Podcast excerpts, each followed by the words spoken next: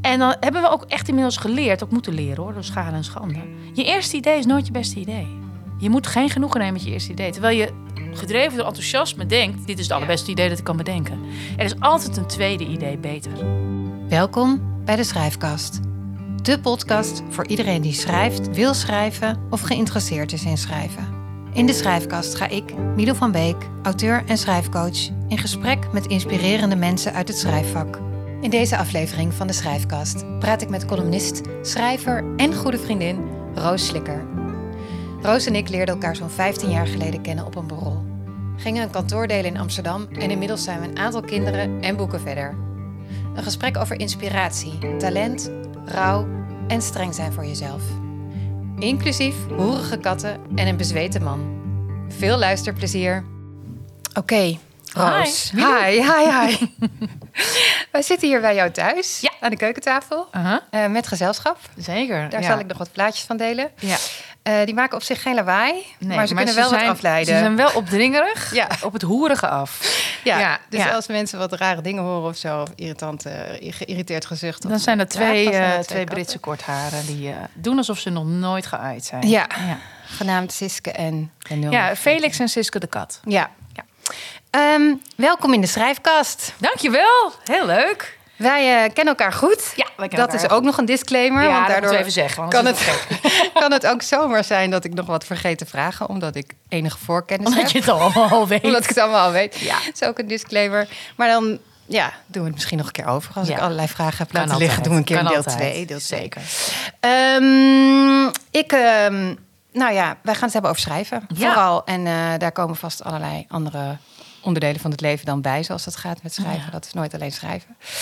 Ehm, wij kennen elkaar, denk ik. Ik wist het niet meer precies, maar ik gok 15 jaar zo'n beetje. Ja, we hadden nog geen kinderen. Nee, Dat was Dat is ook zo raar. Ja, dat, is heel gek. dat wij, überhaupt wij, wij, wij waren toen nog kinderloos.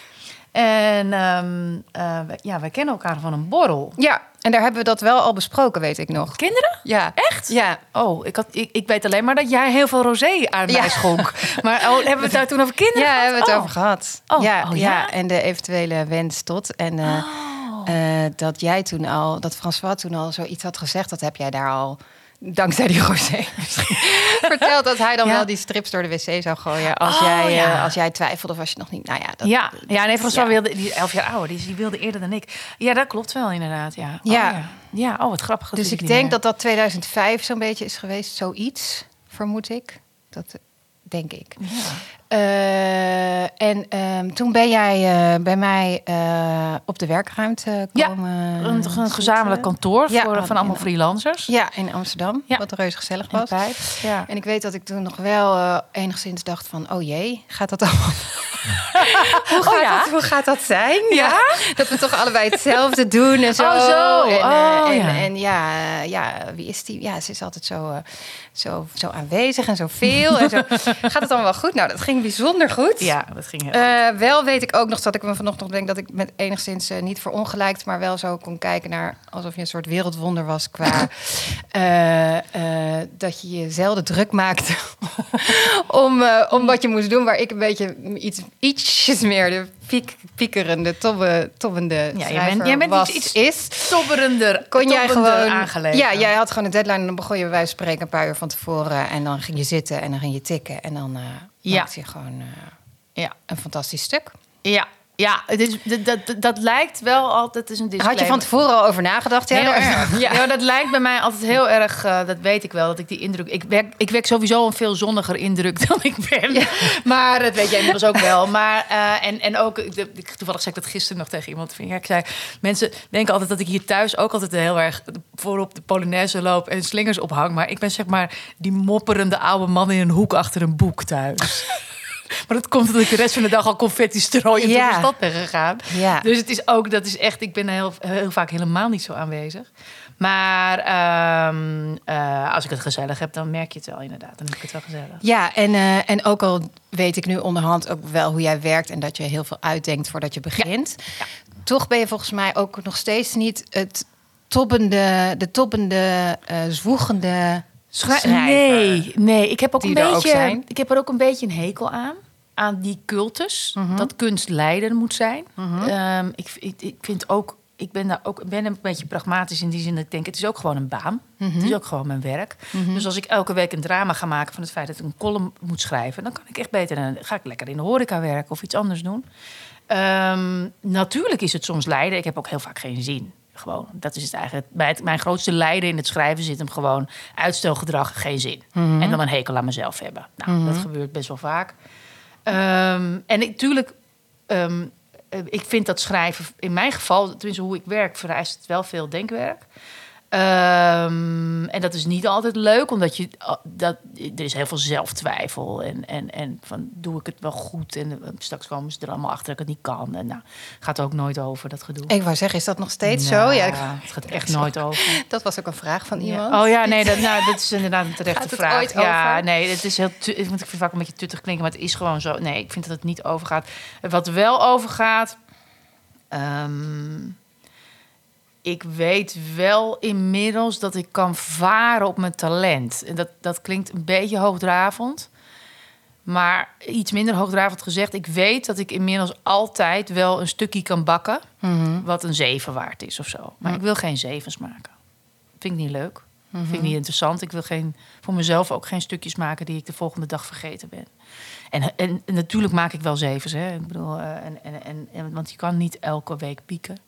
Maar mijn, ik heb een redelijk perfectionistische inslag. Dus mijn grondhouding is eigenlijk wel dat ik meer... Oh, er komt nog een kat. Ja. Sorry. Oh, dit, Dit is een Pluisje. kleur. Hi, Pluisje. Dit is Pluisje, Ja. die is eigenlijk heel schichtig normaal. Maar die, zul je zien, die gaat nu ook Die heel denkt, ja, doen. Want het, ja. dit, dit lok jij uit. Ja. Maar eh, nee, ehm, eh, de zevens... Ja, nee, dus ik wil gewoon... Ik wil heel graag... Ja, ik heb er ook wel een beetje een moreel standpunt in. Dat ik vind dat als je het probeert te doen... dat je probeert iets, iets goeds te maken. ja, Maar ik lig daar niet wakker van. Als het een 7 is. Wel, daar lig ik wel wakker Oh. van. Maar ik lig er van Niet van tevoren niet wakker van... of ik, of ik, er, een, of ik er een acht van kan maken. Aha. En dat is, komt gewoon door heel veel meters maken. Ja. En ik heb daar wel echt heel veel van wakker gelegen. En ook, ik ben mijn, mijn schrijvende carrière niet begonnen als columnist. Ja, dat doe ik nu dus wel al, nou, ik denk al een jaar of negen, denk ik. Maar ehm, toen ik net begon met columns, lag ik er natuurlijk wel wakker van elke Mhm. week. Omdat ik dacht van, ja, nee, dat is, wat moet ik nou tussen de Theodor Holmans en Sylvia Wittemans van deze wereld? Dat zijn Mhm. grootheden, dan kom ik aan. Dus dan had ik wel een beetje een klein duimpje complex. En ja, ik vind dat ik inmiddels mijn sporen wel verdiend heb. Dus dat ik, eh, dat ik echt wel meedoe. Ja. En dat maakt het wel. Dat maakt wel dat ik er ontspannender in sta. Maar als ik aan, aan iets nieuws begin, dus aan een roman of aan, aan een nieuw theaterstuk, schrijven voor theater, ehm, telt dat allemaal niet meer mee. Oké. Ja, want dat nog even voor mensen, voor de paar mensen ja, die de mensen die helemaal niet weten, dat kan hè? Eh, je hebt Nederlands gestudeerd en toen ben je als freelance journalist gaan werken. Ja. Toen wij de studio gingen delen, was je ook bezig met je eerste boek. Kom ik zo nog even op. Inmiddels heb je er zes, zeven. Oh God, ik ben zo iemand die Nou, dat niet zoiets. bijhoudt, Oh, zoiets. rustig ik weet het niet. Ehm, eh, je schrijft eh, scenario's. Mhm. Je hebt een column in het Parool elke week. Hoe lang inmiddels? ja, ik denk tien al- jaar? eh, Ook dat hou ik heel slecht bij. Ik denk een jaar of negen. Ja. Ja. Scripts Ja. voor series. Ja, ik schrijf column in iets? Libelle ook nog. Column en libellen. Ehm, ik schrijf soms gastcolumns voor de Linda en dat soort dingen. En, maar scripts voor series en voor theater. Ehm, eh, ik heb een roman geschreven en ik ga nu beginnen aan een volgende roman. Scheid ik ook weer zeven kleuren voor. voor je die vraag stelt. ja, dat is dus een van die. Nou, Ja. Het is niet eens een nieuw ding, want je hebt al een roman geschreven. ja, maar, dat voelt maar toch wel weer heel erg ja. nieuw, opnieuw beginnen. Ja. Ehm, nou, dat, dat is wat ik doe eigenlijk. Ja. En af en toe dan geef ik ergens mijn mening op radio, televisie en zo. Ja. Ja. En toen eh, wij de studio deelden, was je dus bezig met je eerste boek. Ja. Dus dat zal ook ergens 2006, 2007, Ja, zoiets denk zijn ik geweest. Het eerste miljoen is het moeilijk. Ja. Ja, je moet er maar, maar moet je lachen. Niemand weet dat dat boek bestaat. Dus de- het is toch vast nog wel ergens te vinden. Ja, vast wel. Maar ik, ja, dat waarom, weet ik niet. Maar ik denk dat jij de eerste interviewer bent die erover begint. Daarom moet ik lachen. Ja, en word je er graag aan herinnerd? Wel. Ja. Maar ik, het is niet... Ja, het, dat, het ging zo, beste mensen. Dat is misschien ook wel leuk voor mensen die heel graag bij een uitgever uitgegeven willen worden. Ik heb je podcast tot nu toe natuurlijk allemaal beluisterd. En uh, degene die online staan. En, het, en dan gaat het natuurlijk ook over hoe Ja. lukt mij dat nou om uit die stapel te springen. En dat lukt dus eigenlijk helemaal niet. hè? Mhm, Eh, nee. eh, dat, dat, die conclusie kon je wel fijn Ja. trekken. maar ehm, ehm, ik... ehm, in die tijd had ik helemaal nog niet zo de ambitie om een boek te schrijven. Maar ik kwam iemand tegen, Manon Sikkel. Zij is later een hele bekende kinderboekschrijver Ja. geworden. Hele leuke vrouw, hele leuke auteur. En zij zei, moet je niet eens een boek schrijven? Ik zei, ja, maar ik, zei, ik zou niet weten waarover. En toen dacht ik wel, oh ja, dat zou wel heel spannend zijn. Ik werd er wel wat ambitieuzer van. Maar ik had geen idee.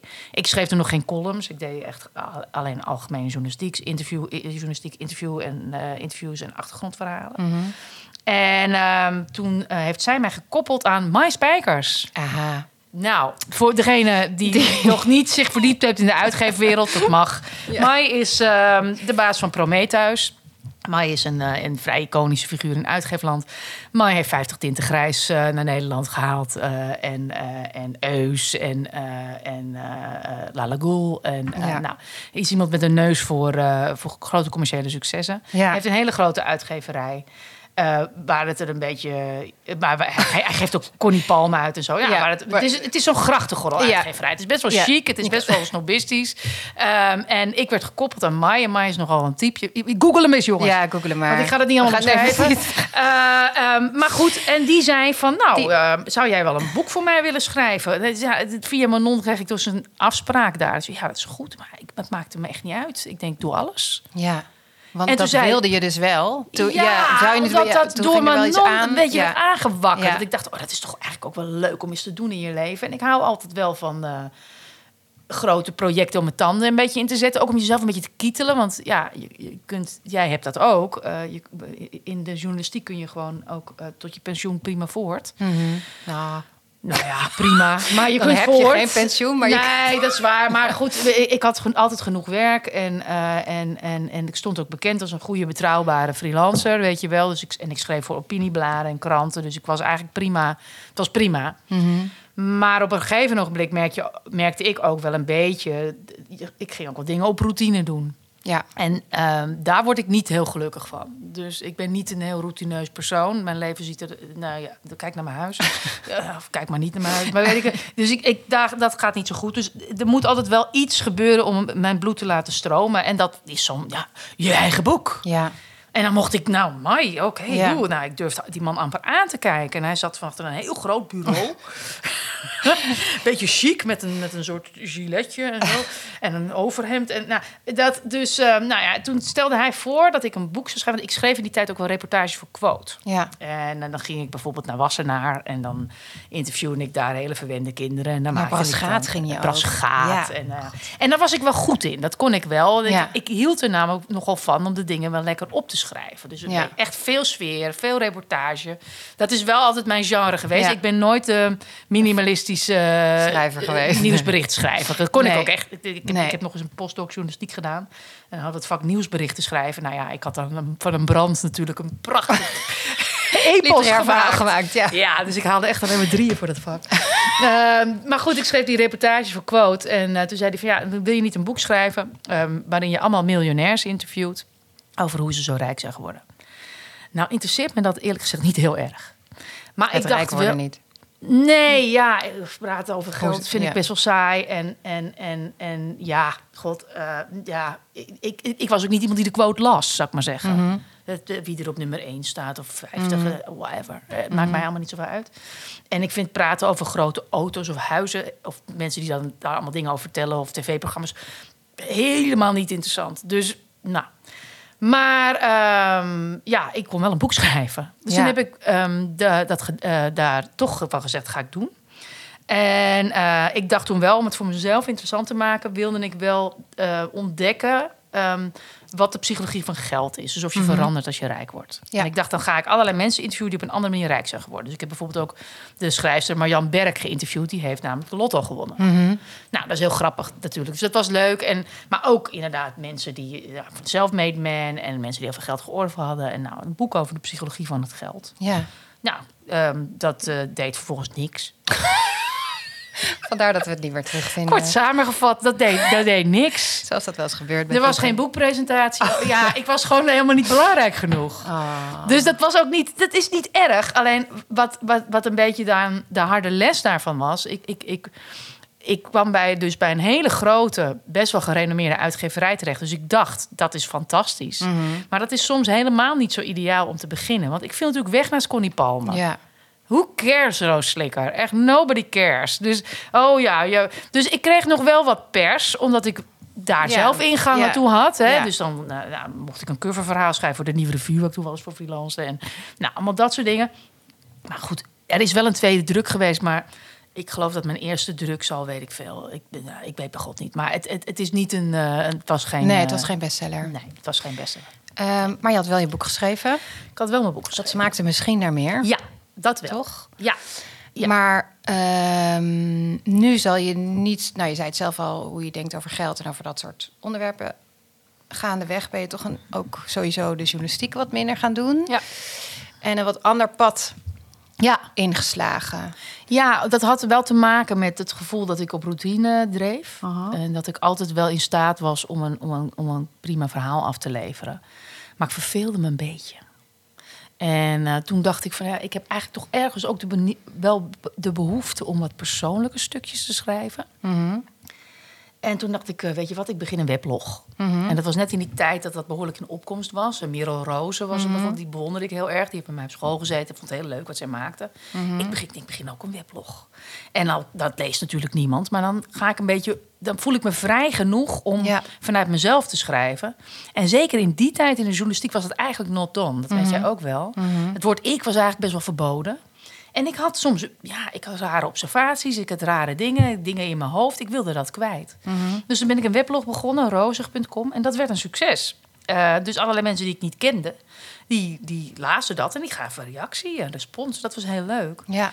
En ik heb mezelf toen ah, eigenlijk wel, nee, sowieso, ik heb mezelf toen geforceerd om iedere dag een stukje te schrijven. Mhm. Gewoon voor de leuk, voor de lol van het schrijven. Ja. Want dat is eigenlijk uiteindelijk waar het altijd vandaan moet komen met schrijven. Want schrijven kost gewoon moeite. Mhm. Ehm, dus ik, ik, ik, had, ik, had er, ik had er schik in dat ik ergens stond bij een, in een lingeriezaak... en dan zag ik een man die daar doodongelukkig zat te wachten op zijn vrouw... die in een net iets net niet geil setje naar buiten kwam.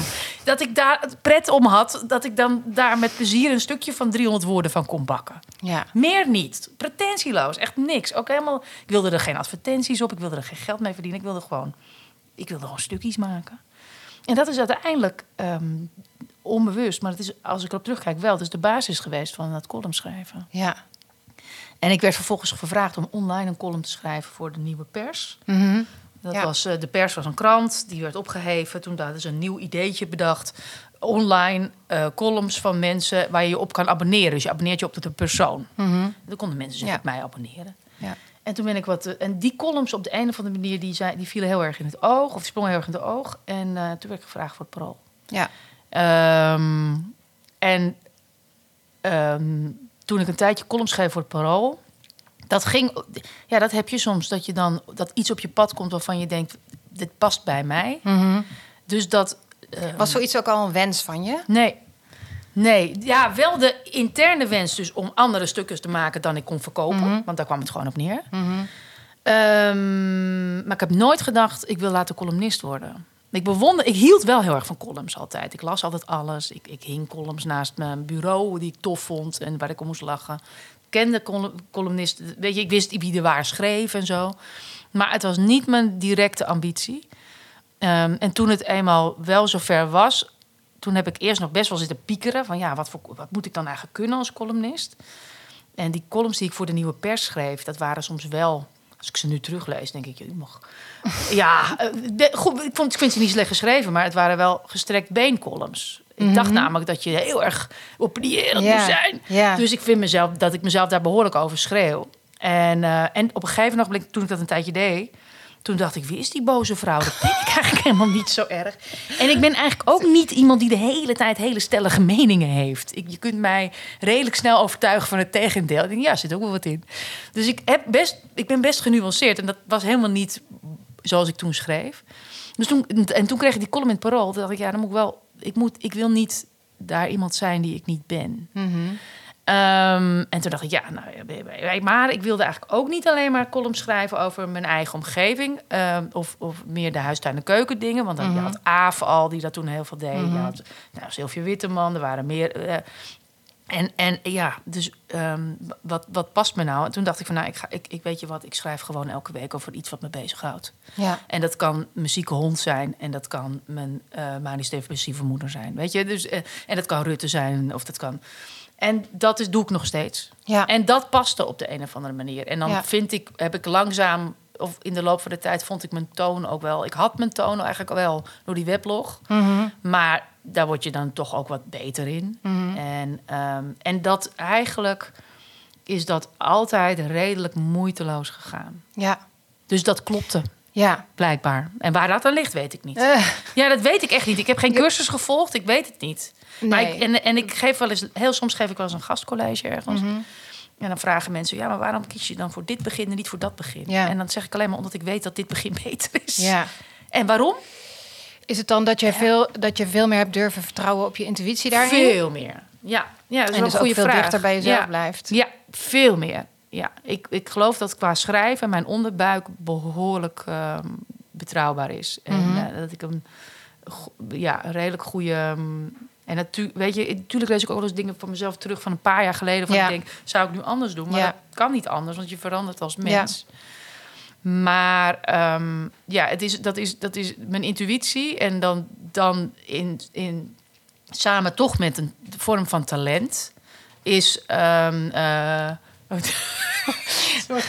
Mijn man komt nu binnen, beste luisteraar, en die Ja. doet alsof hij er niet is. Ja. En daardoor kraakt het heel erg. Ik heb geleerd dat je de dingen maar kunt benoemen. Hij is overigens ook heel bezweet. Want hij heeft net gespoord. Hoi, François.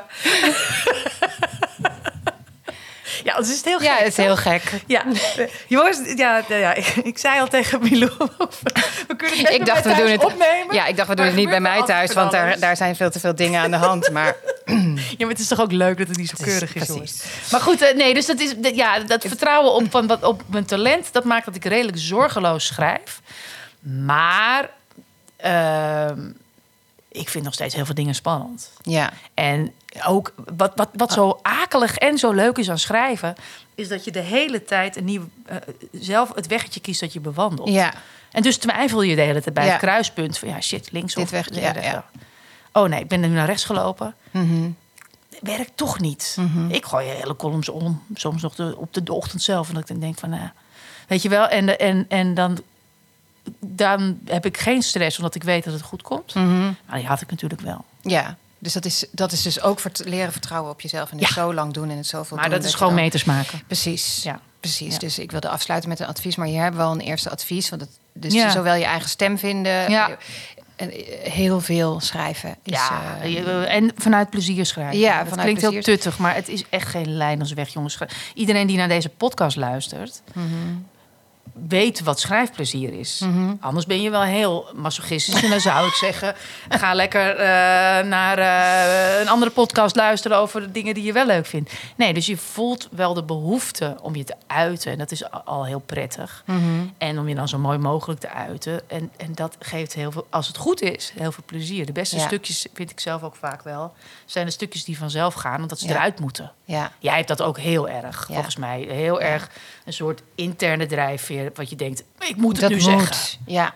En, dan, en dat vind ik vaak, dat, dat vind ik over het algemeen van mensen vaak de beste stukken. Soms is het wel goed om iets een dagje te laten liggen en dan Mhm. even streng te redigeren. Maar waar het oorspronkelijke stuk vandaan komt, is eigenlijk vanuit een goede plek. Toch een Ja. soort enthousiasme. Ja. Ja, Ja. en ik denk wat wel grappig is, als mensen vragen om schrijftips, dan denk ik, oh, je kan honderdduizend dingen bedenken waar je, waar je Ja, rekening mee hebt. Ja. Maar uiteindelijk is het, komt het allemaal neer op jezelf een soort toestemming geven Ja. om het te doen. ja, om je te uiten en om een stem te zijn. En van mij ook vandaan kwam. En wat ik ook wel bij mensen zie, is dat ze toch het idee hebben van wie ben ik om? Ja. En is het wel interessant genoeg? Dus Ja. die zelftwijfel, die maakt die, dat knagende gevoel van. eh, Ja, en tegelijkertijd ben ik niet zo'n tegenstander van zelftwijfel. Omdat ik namelijk ook genoeg dingen lees waarvan ik denk, ik zou er nog even over getwijfeld. Ja, er worden gewoon ook hele slechte dingen gemaakt.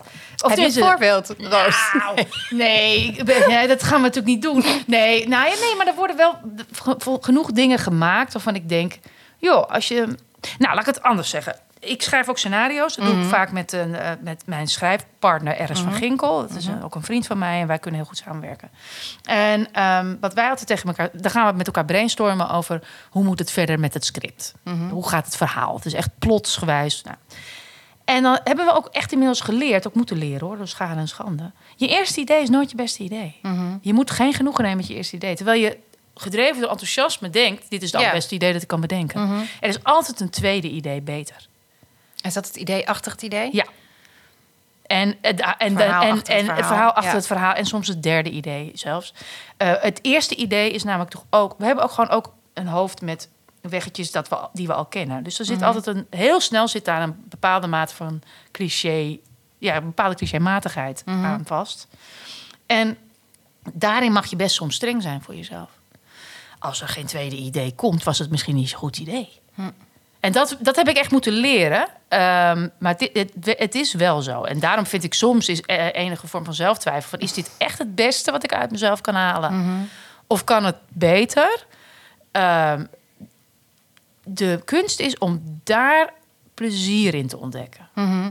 Dus om dat te zien als... hé, hey, dat is leuk. Hier kan ik mezelf eens Ja, niet, kietelen. het is niet goed genoeg. Nee, maar wat, wat zou er Maar- nog achter ja. kunnen? Wat, wat kan er nog meer? En doe je dit ook in je eentje? Want met Ja. iemand anders kun je het natuurlijk tegen elkaar Ja, ja, aanhouden. precies. Wij kunnen dat, ik heb het met hem eigenlijk heel erg geleerd. Maar ik doe dat inmiddels ook in mijn eentje. En dat is...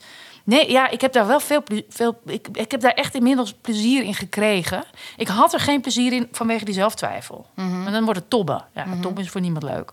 Maar ik, ik ben het echt leuker gaan vinden om te kijken van wat, wat, wat zit hier nog achter. Of, en zelfs in het klein, in een, in een beeldspraak, in een column. Eerste beeldspraak is altijd een beetje matig, Mhm. clichématig. Eh, en dan, hoe kan ik het beter zeggen? Zodat mensen toch nog precies begrijpen. Oh ja, inderdaad, dat is. Maar ik had het zelf niet zo bedacht. En dan, nou, als dat af, dat kan niet elke week, maar als dat af en toe gebeurt, Mhm. ja, dan heb ik een goede dag. En hoe weet jij, was ook een vraag van iemand, hoe weet jij wanneer een onderwerp goed is? Ja. Eh, ook um, vingerspitsengevoel. Ehm, ehm, het, het, hangt ook nog met praktische dingen wa- ah, samen. In de zin dat ik bijvoorbeeld... mijn column komt op zaterdag uit.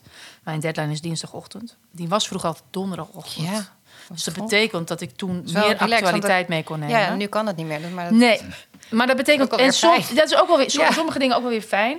Eh, maar en soms is dat wel tobben, want dan wil ik wel iets met een actueel onderwerp. Mhm. Eh, maar dan komen al mijn collega's er nog tussen. Ja, Ik kom dan op zaterdag nog eens aankakken. Dus dan moet ik echt een heel goed idee hebben. ja. En dat, eh, dat, dat, dat, dat, dat- soms is dat ook eh, spannend en op de gok, weet je wel. Maar dan probeer ik het toch en dan soms lukt dat. Mhm. Ehm, ja, wanneer is een onderwerp een goed onderwerp?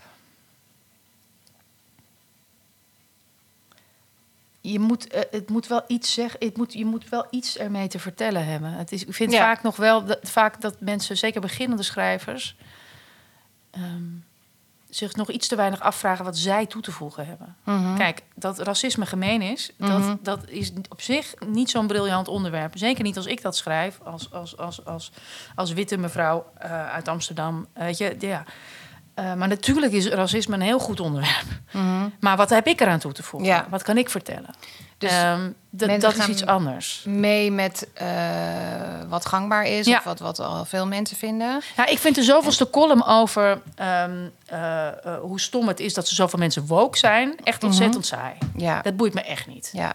En zeker niet, oh, sorry dat ik het zeg, als het van een oude, dikke witte man komt. Ja, ik begrijp het, er is verzet, ik snap het. Maar die hebben, stem horen we heel veel. ja. Dus dat boeit me niet. Maar stel nou dat zo'n, dat nou inderdaad een, een oudere witte man bij zichzelf gaat afvragen, waar zit toch die allergie? Mhm. Dan vind ik het wel interessant. Daar ben ik eigenlijk wel benieuwd naar. ja. Dus dat is ook een laag verder denken. Dus Ja. een goed onderwerp is ook Ja, doordenken over een onderwerp waar jij misschien wat je ook raakt in een week. eh. En dan. Ja, en ik heb gemerkt, hè, want het is dan zo algemeen dat ik dan zeg van ja, ik schrijf iets over wat me raakt die week. Je hebt altijd onderwerpen waar je, waar je een beetje aan blijft vasthaken, die je bezighouden voor, voor, voor some reason, weet je Mhm. wel. Ehm, en die je. eh, nou ja, jij had laatst natuurlijk ook dat, dat, dat stuk over Andrew Tate. Ja, nou, dat is laten we daar nog even over hebben. Ja, nee, ja, sorry. Maar, nee, maar het was wel. ehm, ik Het stond begrijp een week later in het NRC heel groot.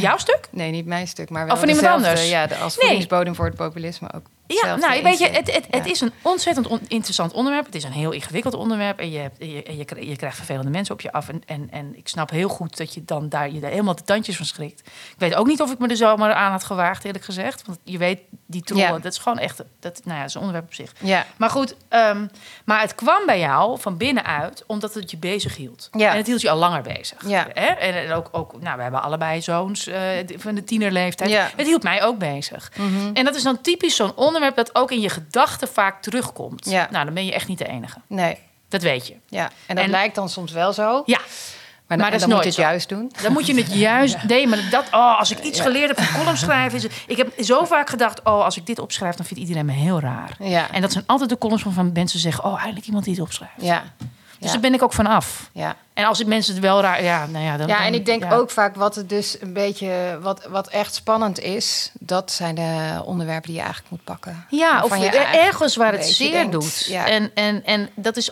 Maar dat, dat ligt er een beetje aan wat voor columnist je bent. Mhm. Dus ik ben ook wel een columnist die behoefte heeft... om te benoemen waar het schuurt bij mij. Mhm. Dat ik dat blijkbaar boeiend vind. En omdat ik er niet zoveel moeite mee heb om daar kwetsbaar in te zijn. Voor zover dat, kwetsbaar is. Mhm. Ehm, maar als jij een columnist bent die gewoon eh, eh, het vrolijke stukje op de zaterdag verzorgt, Mhm. dan snap ik heel goed dat je die weg niet ingaat. Mhm. Dus, maar ik, ik vind het zelf. Ik wil, ik, wil, ik wil schrijven vooral ook voor mezelf interessant houden. Ja. En ik wil zelf iets uitzoeken.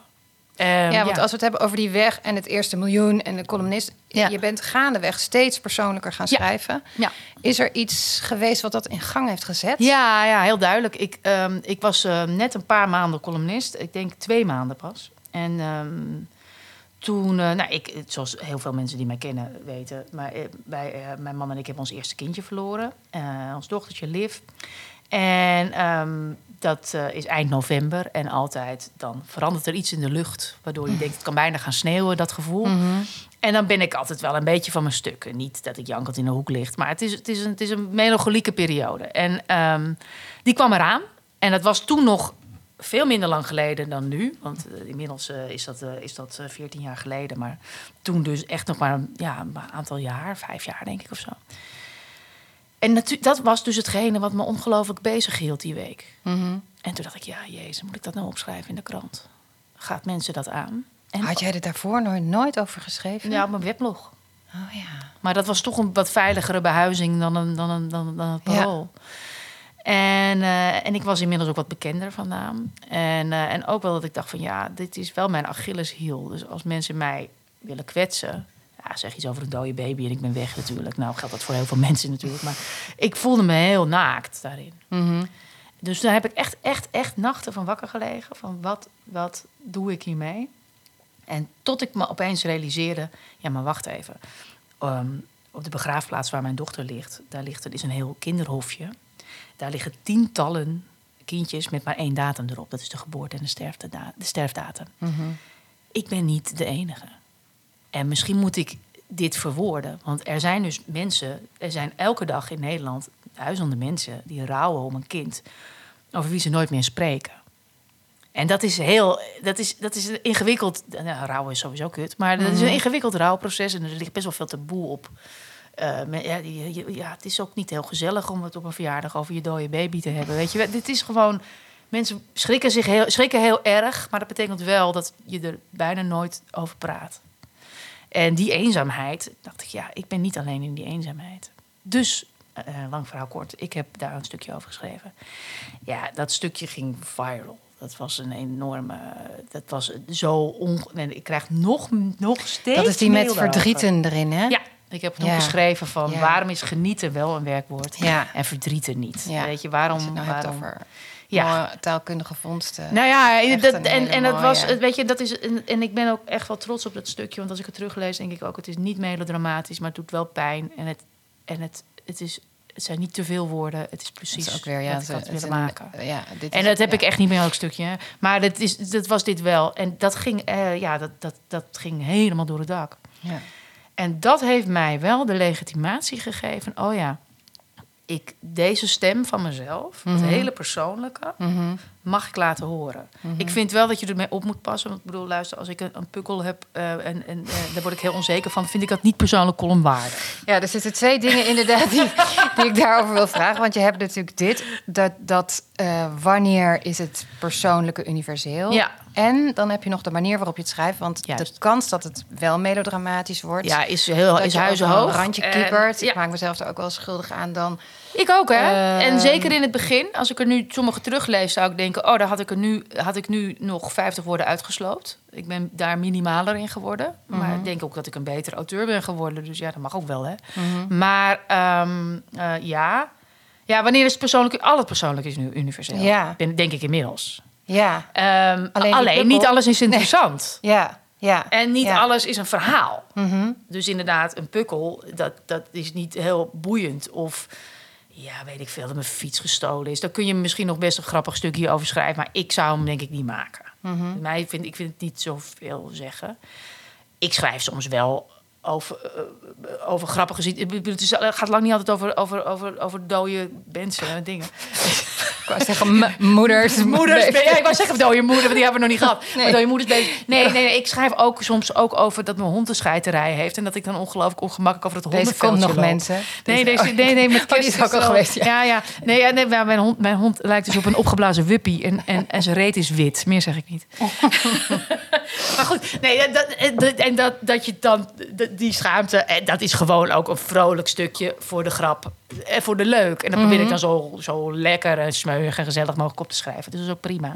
Maar eh, ja, ik, ik, is het een leuk verhaal? Is het, is het, een leuk, is het verhaaltje leuk genoeg? Dat, dat is het dan. Dat is dan de vraag.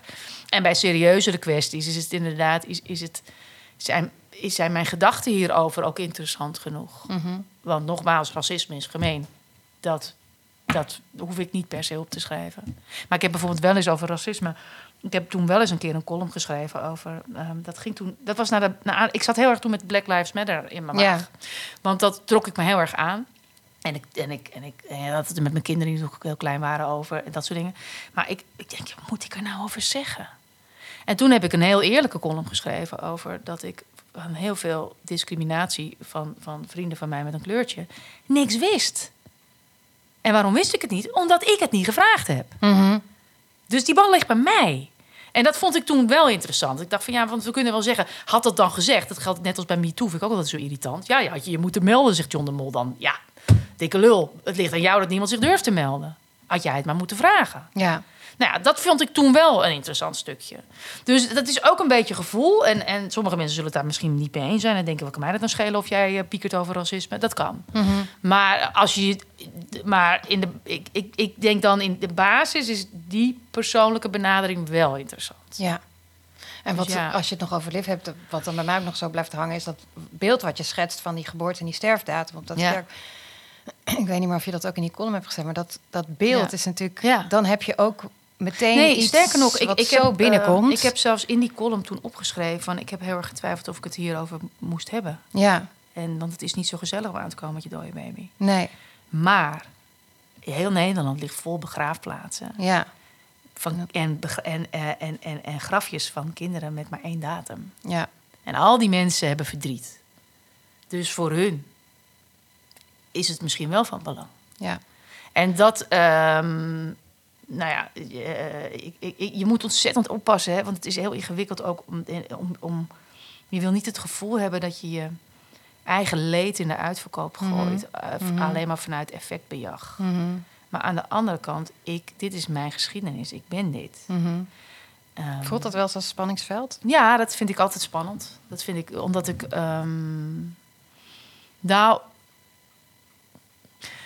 Dat vind ik lastige kritiek. Ik, ik krijg hem niet zoveel, maar ik zie het wel eens bij anderen.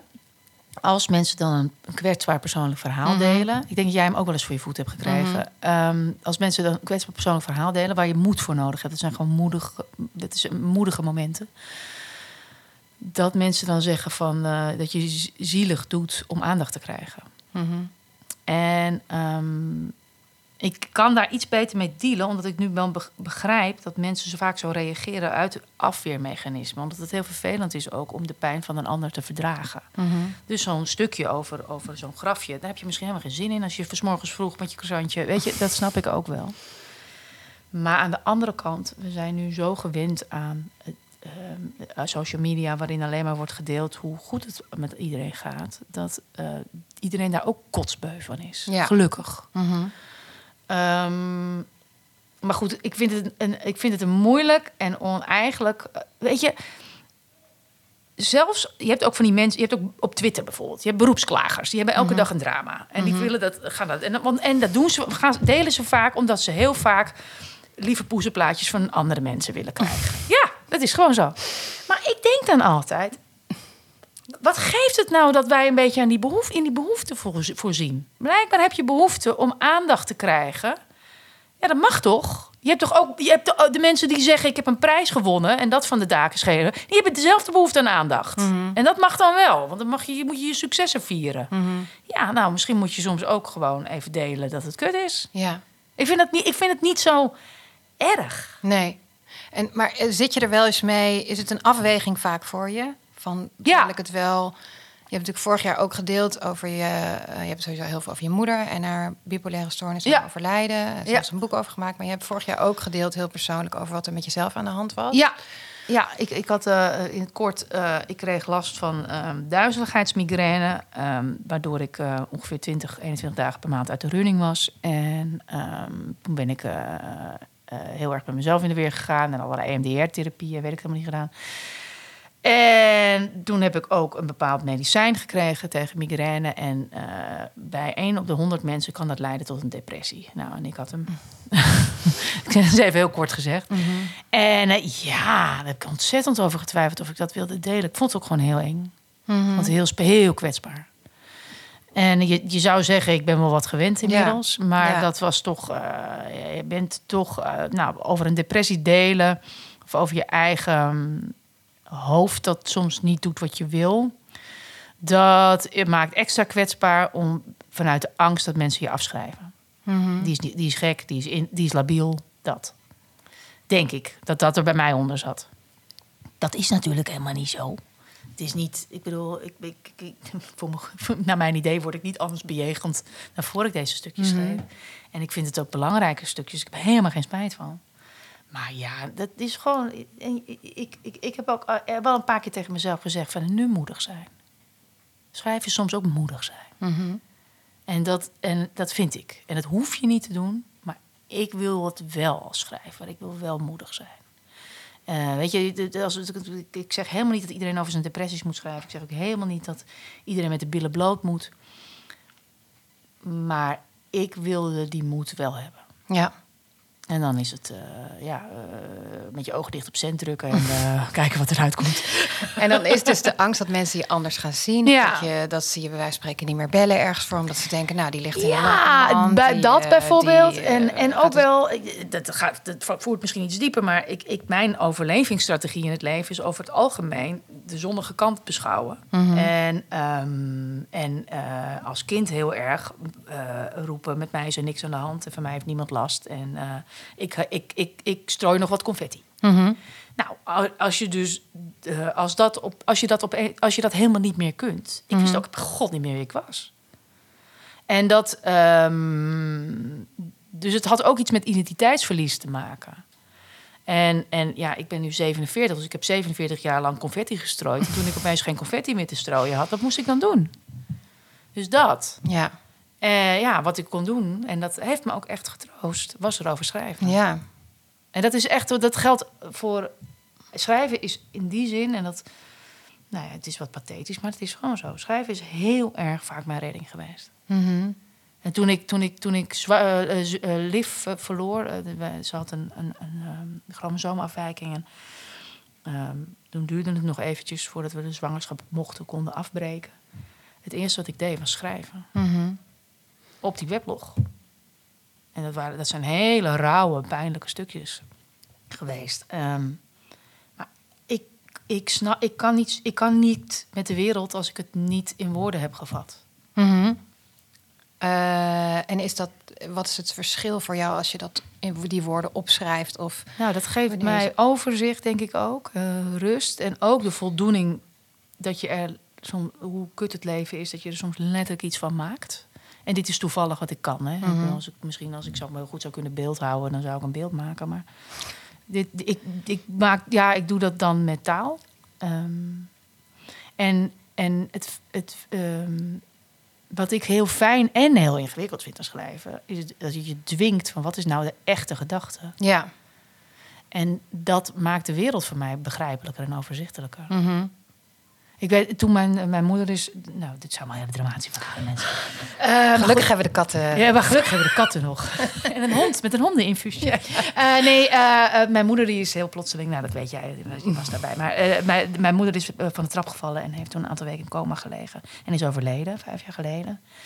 En ik... ehm, toen, de dag dat mijn moeder van de trap viel... de volgende dag had ik een deadline van het parool. Nou, ik zat toen in het ziekenhuis en eh, toen had ik een berichtje gestuurd naar het parool van ik, ja, voor het eerst, de allereerste keer. Ik, hij, hij gaat niet komen. Mhm. Nee, natuurlijk niet. Nou, geen probleem. We zeggen wel dat je, hè, dat je eh, er voorlopig niet bent. Je komt pas terug als je terug wil komen. Nou, dat is heel groot, is heel fijn. Mhm. Maar een week later lag ik op de bank. En er schoot mij een hele goede eerste zin te binnen. En elke schrijver weet, die gooi je niet weg. En toen dacht ik, nee, ik ga, net, ik ga nog geen column schrijven. Want als ik er nu weer aan begin, moet ik elke week weer. Ik kan niet eh, in en uit. Dus ik denk, nee, nee, nee. Maar ik, ik schrijf hem wel even op. En ja, nou, nou, toen volgde er eigenlijk best wel een mooie tweede zin. En, toen, en opeens stond er een column. En die heb ik naar de krant gestuurd. Ik, ik kon niet anders. Mhm. En ik ben daarna weer gaan schrijven. Ja. Eh, dat waren niet mijn vrolijkste stukjes, testamenten. Maar, eh, maar wel eh, rauwe en, en denk ik ook wel, voor veel, volgens veel mensen wel mooie stukjes. Ehm, het heeft mij ontzettend geholpen toen. Ja. Ook de regelmaat en het woorden vinden van wat er gebeurt. ja, en wat interessant is, dat waar we het net over hadden qua sentimentaliteit. dat Ja, ja. Eh, en de, de, de- het gevleugelde gezegde schrijft niet vanuit de wond, maar Ja, vanuit ja, ja, ja. Eigenlijk schreef je toen... Ik schreef kan toen bijna niet vanuit de dat je- wond. ja. Nee, 100% schreef ik vanuit de wond. Ja, dat is waar. Terwijl ik het zelf ook wel eens zeg. Schrijf niet vanuit de wond. Ja. Litteken. Ja, dat is wel goed. Ja, ja, nou, soms lukt het wel. Ja, Ja, dit, dit schrijfwetten zijn ook maar... eh, hè. Maar het is, het is wel vaak... ik- De reden waarom er vaak wordt gezegd... schrijf niet vanuit de wond, maar vanuit het litteken... is omdat als mensen in de wond zitten... zeg maar, of nog bloedend op de grond liggen... ja. nog niet zo goed in staat zijn om één gedachte te vormen. Mhm. En dan wordt het een weerwar en dan wordt het een kluwe. ja. Ehm, ik had in die zin het geluk dat ik al heel lang schreef. Dus mijn, ik ben zo afgesteld op Ja. wat is het enige wat ik wil zeggen. Ja, En als ik er niet één ding van kan maken, is het gewoon nog geen stukje. Dat ik, ik denk dat ik het daardoor wel kon. ja, ja. Eh, maar het is vaak inderdaad niet zo'n goed idee. Eh, schrijven vanuit de wond. En ik heb het ook wel ehm, met die depressie bijvoorbeeld, heb ik het niet gedaan. Toen heb ik pas geschreven ehm, toen, ik, toen het net, net ietsje beter ging. Ja. ja, en dat is wel interessant, want daarvan zou je dus kunnen zeggen... oh, dat had je ook niet hoeven doen, want... Daarover schrijven. Niet- ja, want dat, je had het Ja. voor jezelf niet per se meer nodig... Nee. om het helemaal op een rijtje te zetten. Nee. En ja, Nee. als mensen het niet hadden geweten, hadden ze het niet geweten. Ja. Nee, maar dat was, ik, vond het, ik vond en vind het een ongelooflijk belangrijk onderwerp. Ik heb toen mijn moeder overleed ehm, mezelf de belofte gedaan dat ik altijd mijn hele carrière aandacht blijf vragen voor mensen met een psychisch probleem. Ehm, en of dat nou eh, de, de schizofrene zwerver op straat is, of de falende GGZ, of, ehm, hè, of de, de, de hel die de crisisdienst heet. Ehm, of eh, mensen thuis die wanhopig zijn. Mhm. Ehm, ik zal daar altijd aandacht want ik, ik, nou ja, ik weet er nou eenmaal wat van. ja, En er wordt genoeg geluld, maar ik weet er echt wat van. Ja. En ik vind het belangrijk en ik weet dat die stukjes impact maken. Dus, nou, dit is een beetje een moreel verhaal misschien, maar- ik, ik, ik, ik heb met mezelf dat afgesproken. Nooit gedacht dat mij het zou overkomen. Toen overkwam het me. Mhm. En toen dacht ik, ja, wat heb je nou met jezelf afgesproken? Mhm. Dus ik vond eigenlijk ook dat ik het moest doen. ja, ja. Toen was het ook wel, het voelde een beetje als een, eh, als een eh, ja, ik, ik, vond dat het, ik vond dat ik dat echt moest doen. ja. Ja. Ehm, zijn er dingen waar je niet over schrijft? Ja, ehm, discussies die al heel erg lang gevoerd worden. Ja, Ja, oh, oh, ik, of ik nou nog per se een ei moet leggen over de Zwarte Pieten discussie. Ik denk het niet. maar Schrijf meer persoonlijk? Ehm, Heb je taboes? Of, nou ja, taboes. Nou, rond de kinderen wel. Ik, eh, zeker naarmate ze ouder worden, Mhm. ehm, eh, maak ik dat sowieso vaak wat anoniemer. eh, als ik het al doe. Mhm. Ehm, dat, daar ben ik wel voorzichtig in. Ehm, over van mezelf. Ja, als ik het niet interessant vind. Ja. Maar er zijn niet echt dingen over mij. Ja, jongens, ik heb het allemaal alles op tafel gelegd. Ja. Dat, heeft, dat geeft echt heel veel vrijheid. ja. Ja, weet je, ik, Ja. Hoef, ik hoef niet te doen alsof ik het altijd 100% op een rijtje heb. Want dat is niet zo. Mhm. Ja, nou ja, eh, oh, punt. Weet je wel? En ik hoef ook niet te doen alsof ik een smetteloos leven heb gehad dat over rozen ging. Dat is niet zo. Nee. En iedereen die mij opzoekt, die weet dat wel. Ja. Ehm, eh, ja, weet je, ik hoef ook niet te doen alsof ik een seksbom van 23 ben. Dat ook niet zo. Ja, er zijn zo van die dingen. Dat, dat vind ik eigenlijk, dat geeft echt vrijheid. ja. Dat ik dat ook niet hoef van mezelf. Maar ik vind het wel gewoon, want je schrijft ook fictie. Bijvoorbeeld, ik Ja. schrijf geen fictie. Ja. Eh, dat, eh, ja, ik denk, in fictie zit ook altijd best wel veel uiteindelijk van jezelf. In mijn geval wel. Eh, daar zou je dat wel kunnen doen, die seksbom van 23 Oh, kunnen zeker. opschrijven, Ja, maar, die vind ik niet maar interessant. Dus nee, ik vind nee. over het algemeen ook...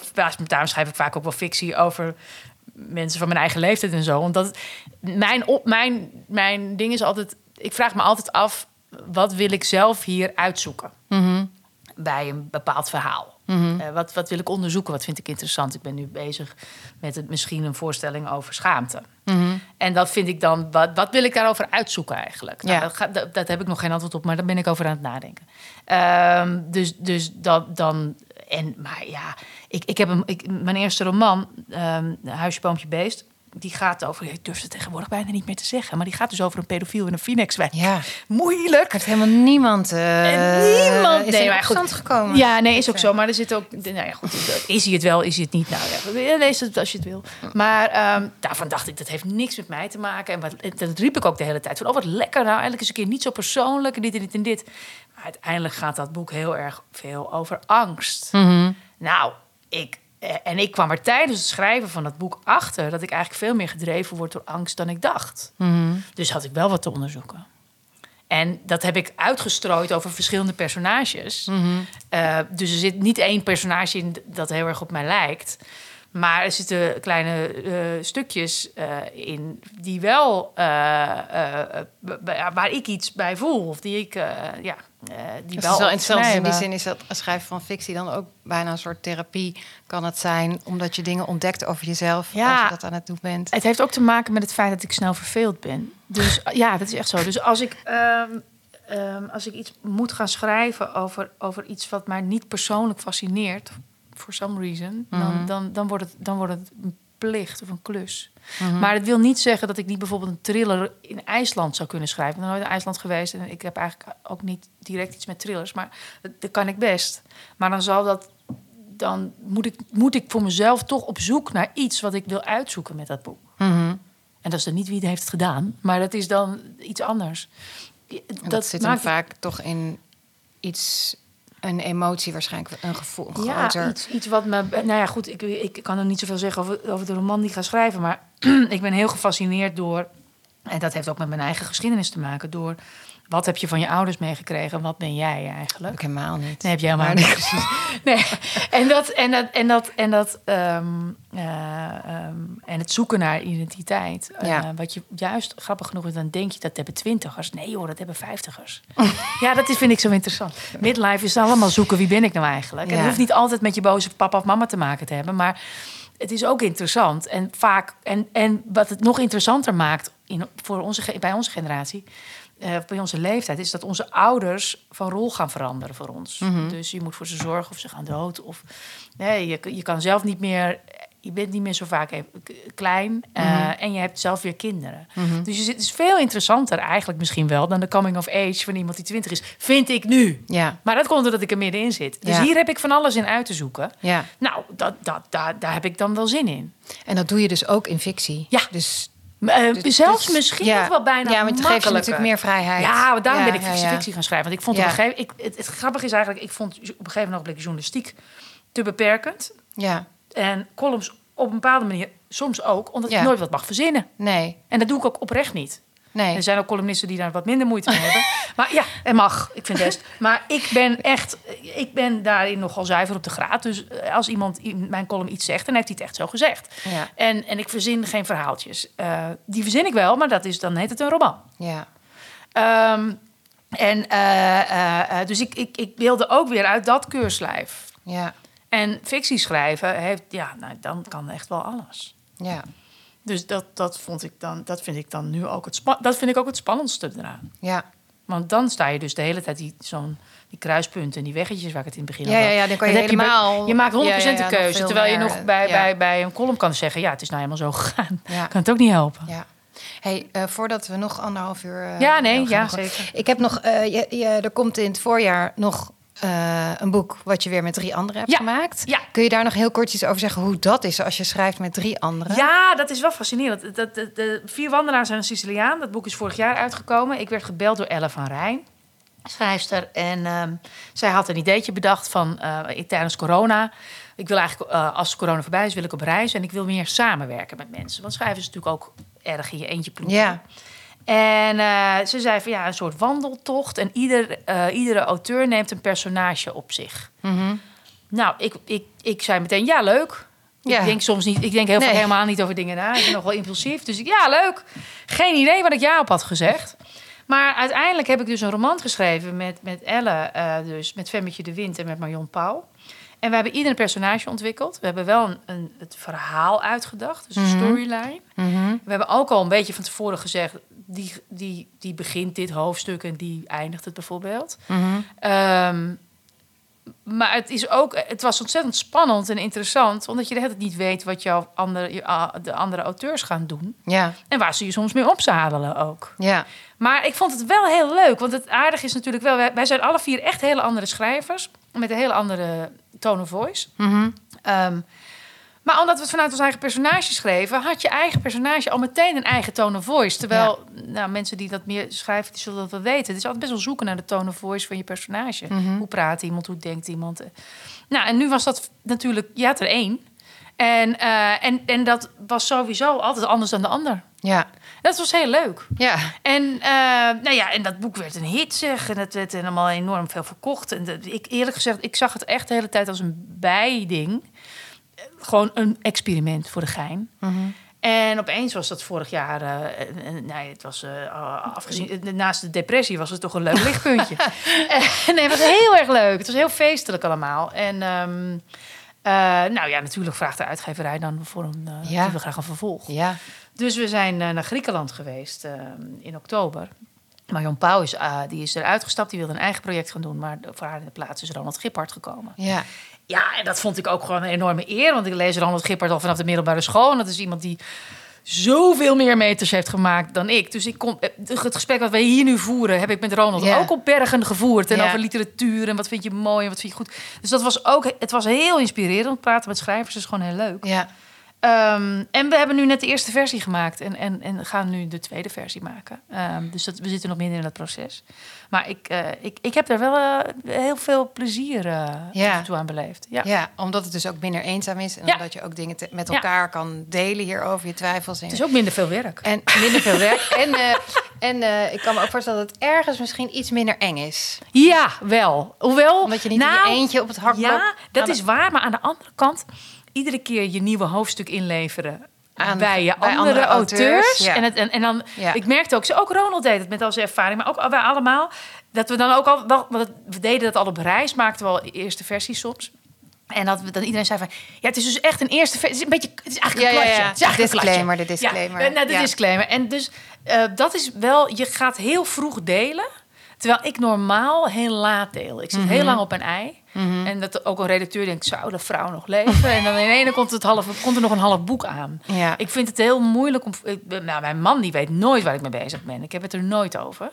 Eh, ik, ik ben iemand die heel, dat erg in mijn eentje in mijn hoofd zit te doen. Hm. Dus, eh, dus dat vind ik... Nee, dat, dat vind ik denk ik nog het, nog het allerengst. Wel, om zo vroeg te delen. Maar ja, je moet toch, hè? Zit dat nu te denken of toch de, de... Ik denk dat jou, als je, als je schrijft wel eens als je praat, zeg maar, niet letterlijk. Maar je herkent jouw toon. Ja. Heel, zitten er jouw stukjes en jouw, ja, je enthousiasme, maar ook nou ja, zoals ik je ken. En, maar toch is het wel grappig dat het lijkt alsof je qua persoonlijkheid en qua schrijver wel eh, twee verschillende mensen bent. Of twee mensen bent qua dat je schrijven zo erg in je eentje teruggetrokken Oh, zo. doet. Ja. En, eh, Nou ja, maar eh, dat heeft te maken met waar we het helemaal in het begin over hadden. Ik denk dat mijn introverte kant niet zo zichtbaar... Ja, die is natuurlijk nooit zo zichtbaar, maar is zich. Maar nee, maar dat mensen mij extraverter zien dan ik ben. Ja. Dus, eh, maar die introverte kant, die doe ik heel erg alleen. Ja. Dus mensen zien het ook niet. Nee. En het is niet omdat dat ik me is- ervoor schaam. Nee, Ik doe dat alleen. ja, ja. Dus ik ben ook het. iemand die, net als, ja, ik lees ontzettend veel. Ik lees, ik lees echt heel erg veel. Dat zijn alle mijn oplaadmomenten. Ik Ja. laat niet zo erg op van een feestje, maar wel van lezen. Maar ik Ja. vind het feestje wel leuk. ja. Maar mensen zien mij op dat feestje en die denken dat ik de hele tijd op feestjes Ja, sta. dus op de een of andere manier ook dat als je aan het schrijven bent, dat je dat ook gewoon met heel veel ja. toeters en bellen Nee, en confetti. totaal. Maar niet. Mensen dat- horen me. Ik ben, ik ben helemaal. Nee, je hoort al- alleen maar het veel te harde geram op de toetsenbord Ja. met twee vingers. Dan kan ik nog steeds niet typen. Maar eh, nee, dus. dus ehm, eh, ehm, maar ik, ik Ja, en dus ook niet iemand niet- die erg communiceert dan. Nee, precies. En dus ook niet eh, gaandeweg het proces dat je behoefte hebt aan, omdat mensen daarop reageren. Nee. Of dat je dat al laat zien aan mensen. Of Nou, dat je liever behoefte hebt aan Nee. nee, sorry, liever niet. Nee, ik bel ook liever geen mensen. Nee. Weet jij ook wel. Maar Ja, eh, nee, nee, liever niet. Nee, en dan ja, af en toe roept de redacteur van gaat het goed? En dan zeg ik ja. ja bij het Parool moest er ook altijd wel om lachen, want ik, ik, ik heb dus nooit contact. dus dan, nou, laatst ging ik, ging ik lunchen met mijn chef bij het, of met, met de adjunct van het Parool. Toen dacht ik, oh god, ja, hij wil met me, of nee, koffie drinken. Ik, hij wil alleen maar met mijn koffie drinken, want hij gaat me natuurlijk ontslaan. Dan denk ik ook altijd meteen. Ja, dat is van zwaar. Hoezo wil je die ontslaan? Dit is heel, hoezo? Ik zeg, vind je dan dat je slechte stukjes maakt? Ik zeg, nee, ik vind het helemaal niet. Maar ik denk, ja, waarom gaat die man anders koffie met me drinken? Nou, zeg van zwaar. Misschien om je ooit eens te spreken. Ja. Oh ja, oh ja. Nou, het ging koffie drinken. We hebben twee uur koffie. Ja, hij wilde koffie drinken. Ja. Dus, eh, maar eh, ja, ik ben dus ook niet iemand die belt eh, om te zeggen dat, dat Nee. ik loop vast. Ja, of, nee, ik weet eigenlijk niet zo goed hoe andere mensen het doen, maar ik, ik ben nogal, ehm, ja, ik, mij helpt, heel, mij helpt, als ik in mijn denkproces zit, helpt praten niet. Nee, nee. Grappig, want dat heb ik dus heel erg wel. Ja, dat weet ik. Ja. nee, maar als we praten over schrijven, dan praten wij ook meestal over wat jij gaat maken. Ja, precies. En dat vind ik, vind ik heerlijk. Ja. Want ik vind het heel leuk om met jou mee te denken. Ja, want ik loop dus helemaal vast in mijn hoofd. Ja, dat weet ik. En ik vind het heel Dus leuk om die... En ik ben die- helemaal geen, ik ben geen beller, ik ben helemaal geen prater. Op- op- nou, Nee, maar, maar, niet, nee, maar over werk, dan hebben we het. Maar, maar ik vind het heel leuk om die kluwen in jouw hoofd te proberen te ontwarren. Of op zijn minst te proberen te begrijpen.